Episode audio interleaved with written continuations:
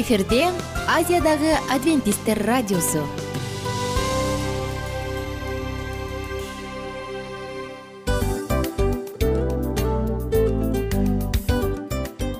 Достор салют. Баардык сүйүктүү угармандарыбызга салам айтабыз. Кутман күнүңүздөр менен. Ден соолук өмүрдүн булагы демекчи саламат саамы программасында баарыңыздарды көргөнүбүзгө абдан кубанычтабыз. Анда алгач амандашып өтөлү арбаңыздар деп. Ден соолугуңуздар кандай элибизде көбүнчө ден соолук кандай дегенде эле жакшы деп жооп беребиз э ооруп турсак дагы жакшы дейбиз. Анан мен муну айтып ойлойт элем бул абдан сонун сөз депчи анткени бул жакшы деген үмүт да э ооба баары жакшы болот баары сонун. Деп үмүттөнүп атып эле өзүбүздү өзүбүз дарылап коебуз. Анысы кандай сиздин дагы ден соолугуңуз жакшы беш деген үмүттөбүз чындыгында ден соолук бул өмүрдүн булагы деп бекеринен айтылган эмес деп ойлойм. Кыргыз элинде анткени эгерде ден соолук жок болсо анда адамдын жашоосунда калган баардык керектүү маңыздуу нерселер өзүнүн баалуулугун жоготуп коет. Ошондуктан ден соолук бул эң керектүү нерсе. Ооба туура айтасың кесиптешим. Чынында ден соолугуң жок бир эки үч күн ооруп калсаң эле э кандай болуп калат? Жашоодо көз каранды болуп каласың көп нерсеге жетишпей каласың көп нерсени кыла албай каласың жада калса эшикке дүкөнгө да чыга албай каласың. Туптуура анан ден соолук болсо демек биз биздин бактыбыз тоодой деп койсок болот. Анда достор саламат саамы рубрикабызды баштайлы. Алдыда өзүңүзгө керектүү болгон сонун кеңештерди уга аласыздар. Мына ошондуктан биз менен бирге болуңуздар. Ал эми биз болсо милан жана айнура. Кеттик алга. Алга саламат саама ден соолуктун жарчысы. Саламат саама ден соолуктун ачкычы. Күн сайын сиз үчүн мыкты кеңештер сонун жаңылыктар кызыктуу фактылар биздин рубрикада.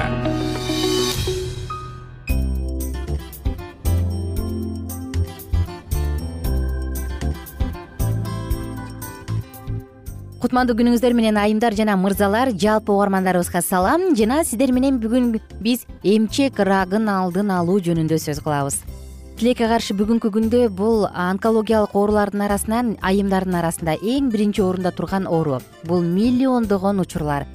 Саламаттыкты сактоо уюмунун бүткүл дүйнөлүк уюмунун айтымы боюнча кырк беш жашка чейин каза болгон айымдардын ону бул сүт бездеринин рак оорусуна чалдыккандар дейт. Парадоксалдуу бирок ошентсе дагы мырзаларда дагы эмчек рагы кездешет.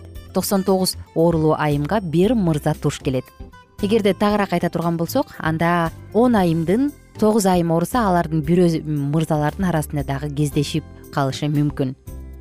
Анан достор албетте бул рак оорусу дүйнөнү дүңгүрөткөн жүрөктүн үшүрүүнү алган коркунучтуу оору эмеспи.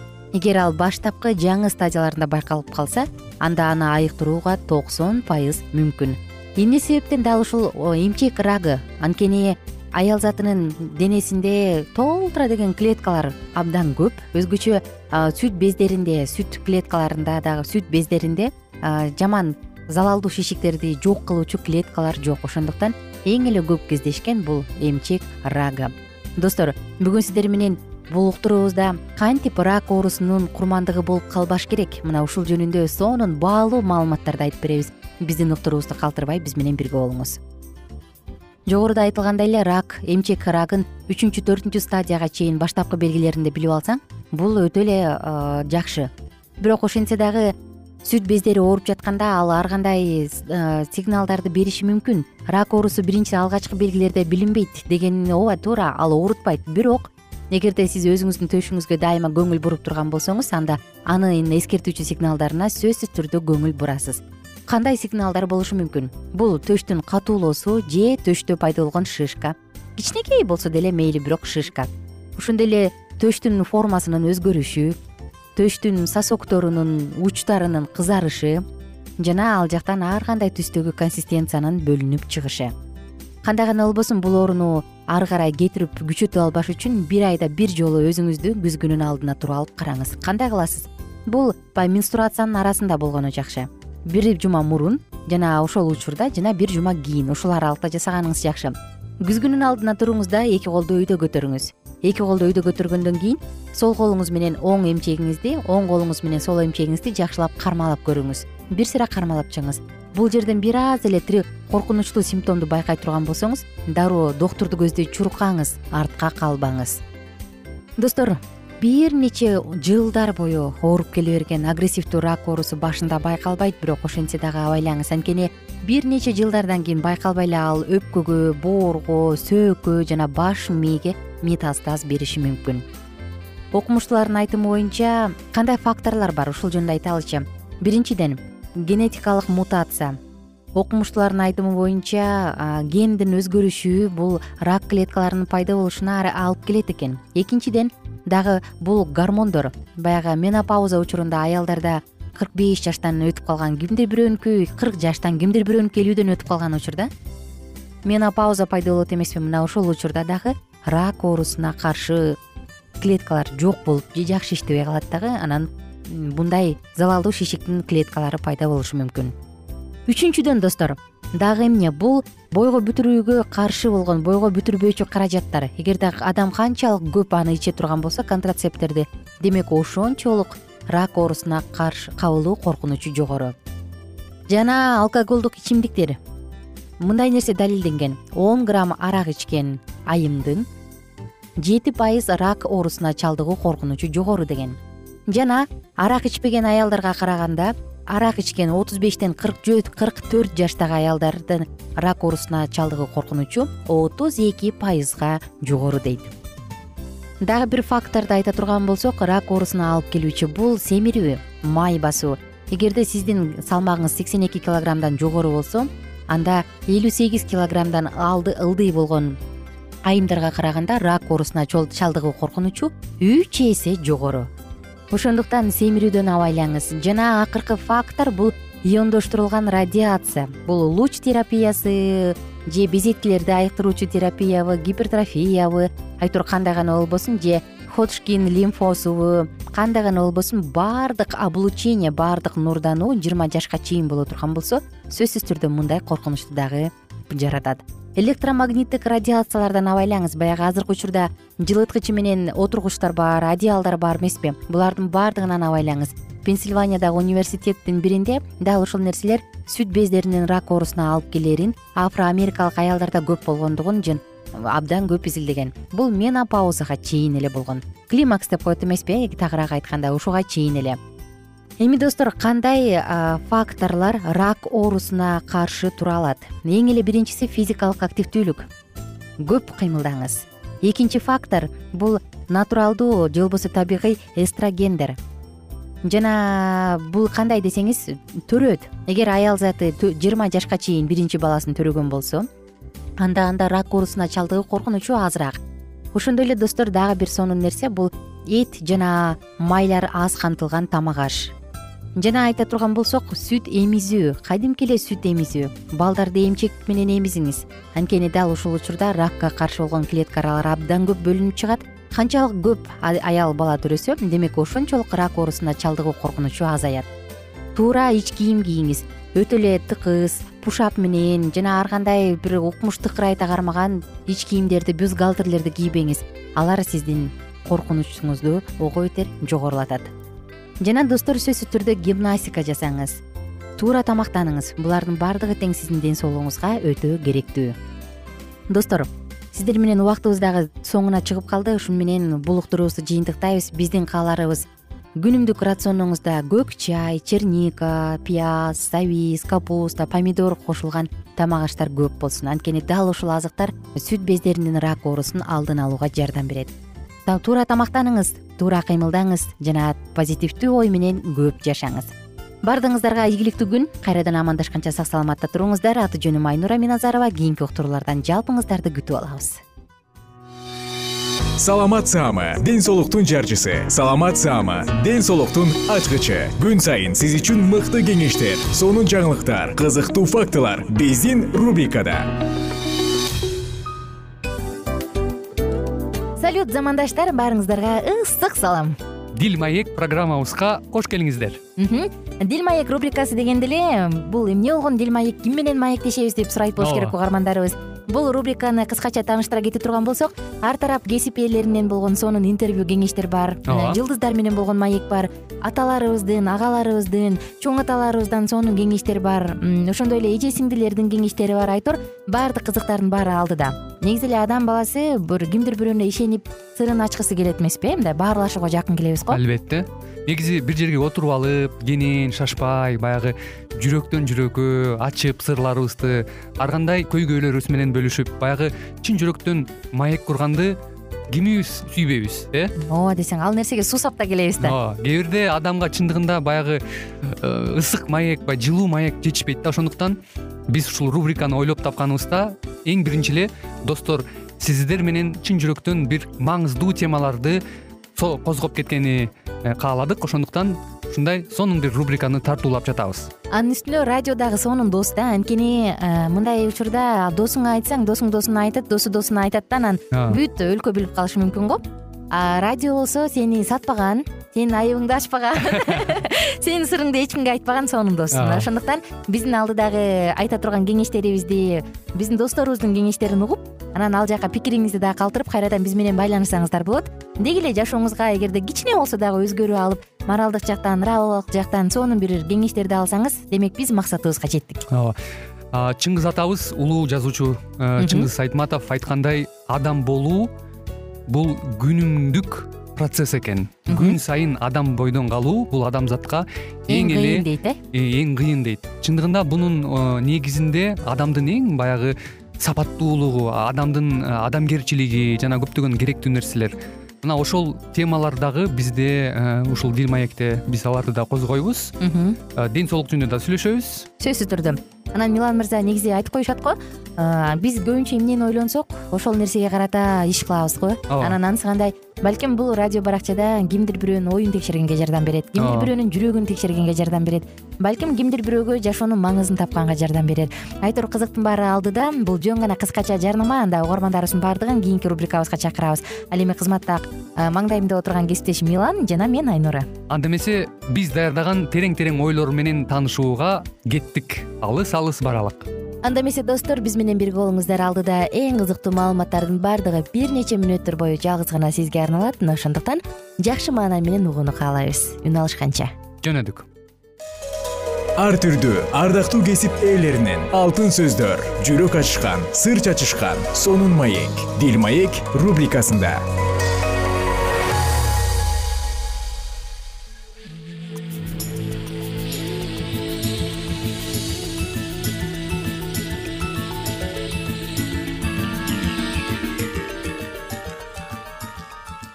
саламатсыздарбы урматтуу радио угармандарыбыз? Кайрадан эле сиздердин назарыңыздарда бактылуу никенин баалуу эрежелери аттуу программабызда кездешип жатканыбызга өтө кубанычтабыз.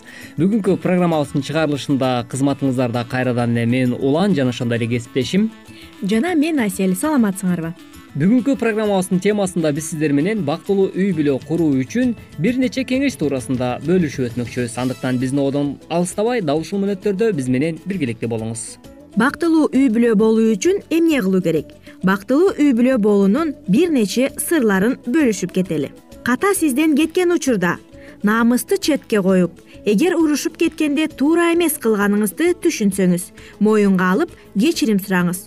Бул мамилени курчутпай токтошуна шарт түзөт экен сөзсүз түрдө адатта мындай учурларга туш болгон убакытта баардыгыбыз эле кээ бир учурда өзүбүздүн ойлорубузду контролдой албаган дагы учурлар болот эмеспи. Бирок бул нерседе кандай кылышыбыз керек? Сөзсүз түрдө өзүбүздөн чыгып кетпегенге аракет кылып өзүңүздүн эмоцияңыздын үстүнөн иштегенге дагы аракет кыла турган болсоңуз анда бул кырдаалды кандайдыр бир деңгээлде жайлатканга өбөлгө түзгөн болот экенсиз.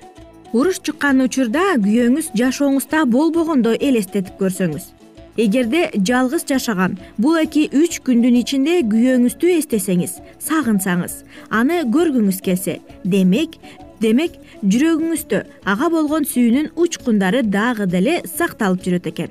Ошол эле учурда табышмактуу болуңуз. Эскинин баарын унутуңуз жаңы мамиле баштаңыз. Үй бүлөнүн чоң сырларынын бири бул бири бириңерге болгон сезимди күчтүү кылат ар убак күлүп жылмайып жүрүңүз. Жылмаюу адамды сулуулугуна сулуулук кошот. Ал эми ар бир эркек жанында аялынын сулуу болушун каалайт эмеспи сөзсүз түрдө адатта жылмайып жүрүү дагы бул адамга кандайдыр бир э, күч кубат жана энергия тартуулайт эмеспи ошол эле учурда сизди курчаган сиздин чөйрөңүздөгү айлана чөйрөдөгү адамдарга сиз э, өзүңүздүн э, жылмаюуңуз менен дагы алардын жүзүнө дагы бир жакшы маанай тартуулай алган болосуз. Андыктан жылмайып жүрүңүз демекчибиз. Кичинекей нерселер туурасында сүйлөшүңүз чоң маселелерди бир тарапка ыргытып кичине темаларга токтолуп баарлашыңыз. Сүйлөшүп отуруп мамилеңер жакшырат. Албетте көп баарлашууда дагы адам бири бирин тереңирээк таанып жана ошондой эле бири бирибиздин мүнөзүбүздү дагы э, терең таанып билгенге жакшы бир шарттар түзүлөт эмеспи.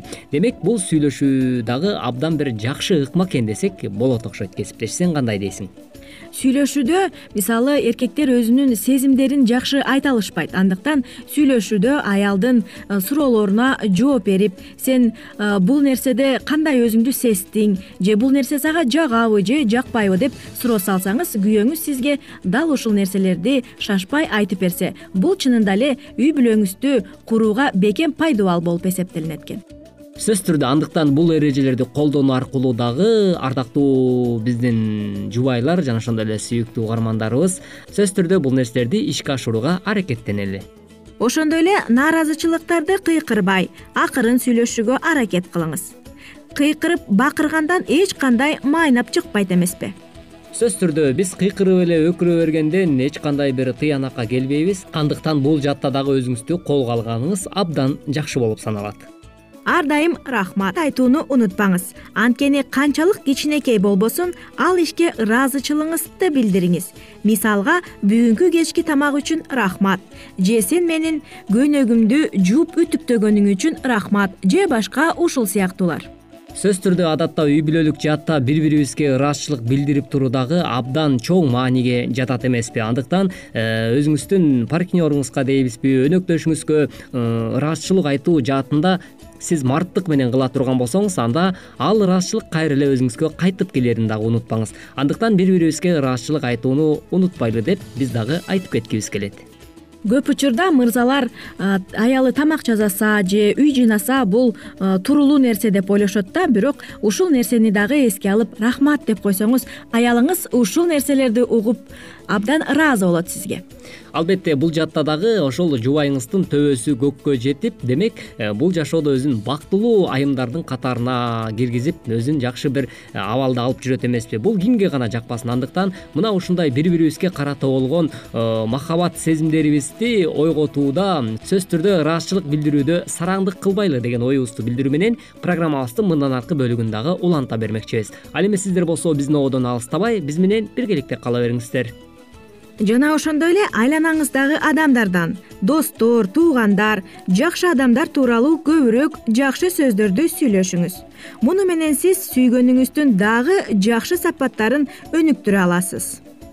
Сөзсүз түрдө мындай ыкмаларды колдонуу аркылуу дагы биз адамдар менен болгон мамиледе ошол эле учурда айлана чөйрөдө сизди камтып жаткан баардык чөйрөңүз менен дагы жакшы байланышта болгонго эң бир жакшы э, ыкмалардын бири болуп саналат экен. Демек бул э, тажрыйбаларды колдонуу аркылуу дагы сиз жашооңузда дагы дагы болсо никелик жашооңузга көптөгөн тажрыйбаларды топтогонго бир жакшы жардамчы болуп бере алат экен. Андыктан бул кеңештер сөзсүз түрдө сиздин жашооңузда орундалсын адамдарда баары ойлонгондой боло бербесе өзүн өзү басмырлап баштайт экен. Ошондуктан мындайларга жол бербей жубайыңыз же жолдошуңуз менен кызыктуу темаларды көбүрөөк сүйлөшүп анын жан дүйнөсү менен бирге болуңуз. Түгөйлөр бири бирин сүйүп турганда гана үй бүлөдө толук бакыт болот эмеспи албетте андыктан үй бүлөңүздө толук бакытка ээ болууну бүгүнкү күндө тилек кылып турган болсоңуз сөзсүз түрдө жогорудагы айтылган баардык кеңештерди жашооңузда колдоносуз деген үмүттөбүз. Ал эми урматтуу угармандар чындап эле бул жашоодо баардыгыбыз бактылуу өмүр сүргөнгө ар бир эле адам татыктуу эмеспи. Андыктан өзүңүздүн никелик жашооңуздун бактылуу болушун тилек кылып турган болсоңуз сөзсүз түрдө э, иш аракет дагы абдан чоң мааниге ээ экен демек эмгектин арты үзүрлүү болот демекчи ушул жаатта дайыма талыкпастан эмгектене берели деген тилегибизди билдирүү менен биргеликте бизге бөлүнгөн убакыт дагы өз соңуна келип жетип калды. Андыктан достор ушул кеңештерди кулагыңызга күмүш сырга катары илип алсаңыз эң сонун болчудай сөзсүз түрдө ал эми урматтуу радио көгөрмандарыбыз кайрадан эле биз сиздер менен бактылуу никенин баалуу эрежелери аттуу программабыздан кезишкенче ар бириңиздердин үй бүлөңүздөргө аманчылык тилемекчибиз. Кайрадан сиздер менен бул ободон үн алышканча сак саламатта болуңуз. Ар түрдүү ардактуу кесип ээлеринен алтын сөздөр жүрөк ачышкан сыр чачышкан сонун маек дил маек рубрикасында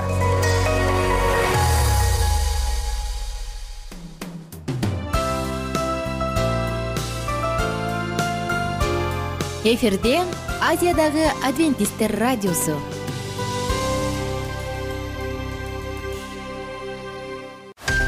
Жан дүйнөңдү байыткан жүрөгүңдү азыктанткан жашооңо маңыз тартуулаган жан азык рубрикасы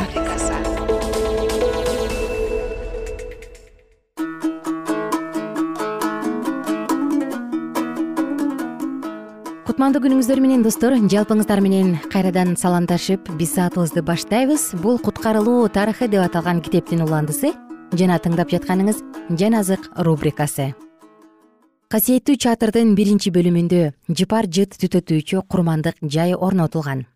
Бул курмандык жайдын отун теңир өзү жандырып турган жана андан чыккан жыпар жыт күн да түн да касиеттүү жайды толтуруп турду. Кудайдын алдында жыпар жыт түтөтүп кызмат кылган дин кызматчылар. Ырайым тактысын көздөй көз чаптырышып аны көрбөсө дагы анын наркы бөлмөдө экендигин билишкен. Бул ырайым тактысынан чыккан даңктын булутун кээде дин кызматчы касиеттүү чатырдын ыйыктар деп аталган биринчи бөлүгүнөн көрүшкөн. Бул даңк ушунчалык касиеттүү жайды толтургандыктан кээде дин кызматчылар касиеттүү чатырга кире алышпай сыртта күтүүгө туура келчү. Касиеттүү жайда ишеним менен ырайым тактысын карап турган дин кызматчы. Асмандагы касиеттүү жайдын ичинде кызмат кылып жаткан улуу дин кызматчы. Ыйса машаякка сыйынууда кайрылып жатышкан кудайдын элин билдирип турган. Алар өз жактоочусун көрө алышпайт бирок ишеним менен ырайым тактысында турган өз куткаруучусуна карашат. Касиеттүү чатырдын эки бөлмөсүндө тең жарык кирип туруучу терезелери болгон эмес.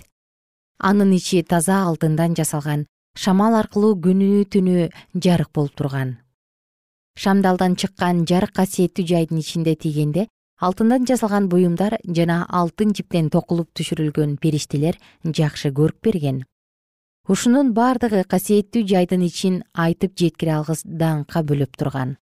Касиеттүү чатырдын эки бөлмөсүндөгү жогорку көрктү тил менен так айтып жеткирүү мүмкүн эмес андагы алтындар көшөгөнү жарык кылып тургандыктан ал көшөгөлөрдөгү ар түрдүү жийиптер асманга тартылган көк желедей көрүнгөн.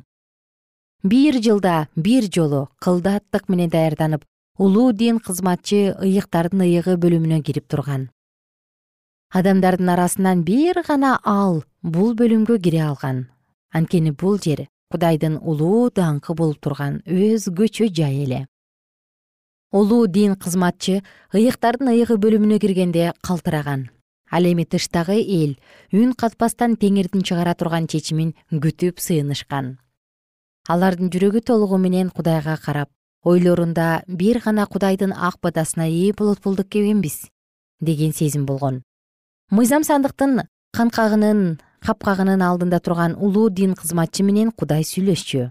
Эгерде ал баштагысынан көбүрөөк ал жайда кармала турган болсо адамдардын үрөйү учкан. Анткени алардын күнөөлөрү үчүн улуу дин кызматчы мерт болушу мүмкүн эле. Бирок кайрадан улуу дин кызматчынын кийиминдеги шалтырактардын үнү угулганда алардын жүрөктөрү тынчтыкка бөлөнгөн андан кийин гана улуу дин кызматчы касиеттүү жайдан чыгып калай калкка ак батасын берген.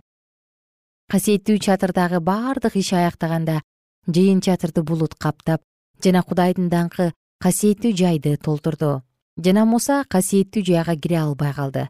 Анткени аны булут каптап калган. Жана кудайдын даңкы касиеттүү жайды толтурган. Анткени теңирдин булуту күндүз касиеттүү жайдын үстүндө болду. Жана от түнкүсүн ысрайыл уулдарынын саякаттанган мезгилинин бардыгында болуп турду. Касиеттүү чатыр еврейлердин бардык саякаттаган мезгилинде бузуп алып кете тургандай болуп бөлүнө тургандай жасалган. Булут алдыда. Ысрайыл эли чөлдө жүргөндө теңир калтырбай аларды алып жүрдү. Кээ бир учурларда элдердин ийгилиги жана кудайдын даңкы үчүн теңир касиеттүү чатырды мерчимдүү жерлерге тиктирип турган.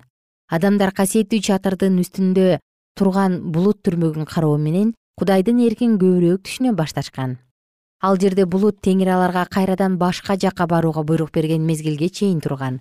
Эгерде булут касиеттүү чатырдын үстүнөн жогору көтөрүлө турган болсо анда алар кайрадан жүрүшүп жүрүшүн улантышып турду. Ушул узак мезгил саякаттоодо еврейлер түгөл эрежелерди сактап турушту. Ар бир уруунун көтөрө турган өз желектери болгон жана ар бир уруу өз туусун алдыга кармап жүрүшүн улантышкан. Алар чөлгө сапар тартышканда ирети менен бир уруунун артынан бир уруу жолго чыккан. Качан жүрүш токтогондо?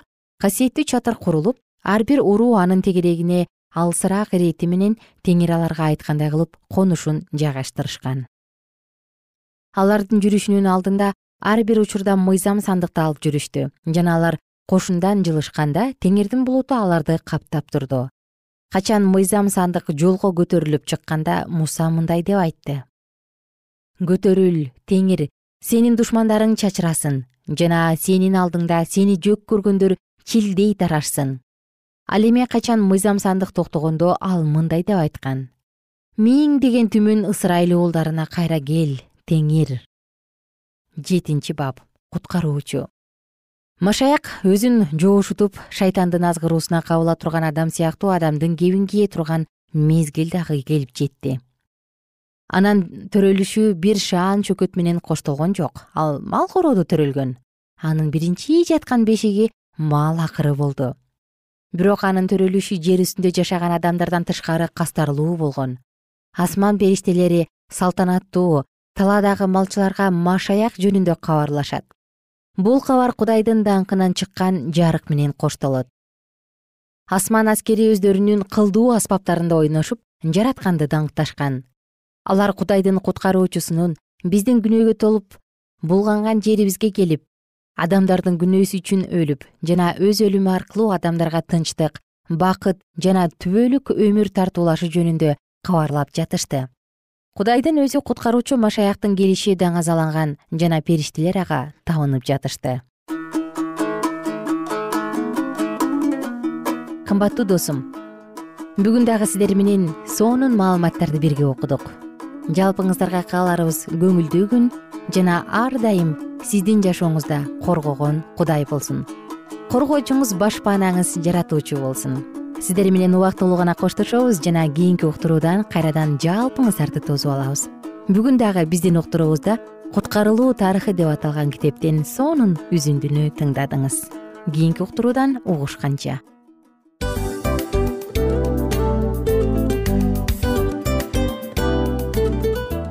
ушул менен достор программабыздын уктуруубуздун эң кайгылуу мөөнөтүнө келип жеттик. Кайгылуу дегенде ыйлагым келип кетти кесиптеш. Кадимкидей. Анткени баягы учурашасың анан коштошуу учур келгенде ии кантип ии эми бат баттан келиптир э сагындырбай деп атып араң коштошобуз го? Анысы кандай угармандарыбыз менен коштошчу учур келди. Кийинки уктурууларды сагыныч менен жүрөгүбүздө кусалык менен күтөбүз жалпыңыздарды анан жарым сааттык уктуруу көз ачышым канча өтүп кетти. Сөзсүз бирок бизде жакшы кабар бар. Кийинки уктурууларыбызда сөзсүз дагы кезигишебиз. Анткени биз көптөгөн сюрприздерди кызыктуу маалыматтарды жана керектүү керектүү нерселердин көбүнчөсүн даярдадык анда угармандарыбыздын баардыгына ийгиликтүү күн каалайбыз эгерде бүгүнкү күнүңүз өзгөчө э, өтүшүн кааласаңыз анда позитивдүү ой жүгүртүп жылмайып жакындарыңызга жакшы маанай тартуулап жүрө бериңиз. Анткени сөзсүз түрдө мунун арты кайтат э? Сөзсүз. Баягы ден соолугуңа оңолот ал бул деп көп нерсени санап келебиз. Эң негизгиси бул сиздин жашооңузду жаркын кыла түшөт экен. Жараткан кудай ар бирөөңүздөргө батасын берсин жашооңуз ийгиликтүү болсун сак саламатта калыңыздар деп мен милан жана кесиптешим айнура. Баардыгыңыздар менен кийинки уктурууда үн алышканча баарыңыздарга ийгилик каалайбыз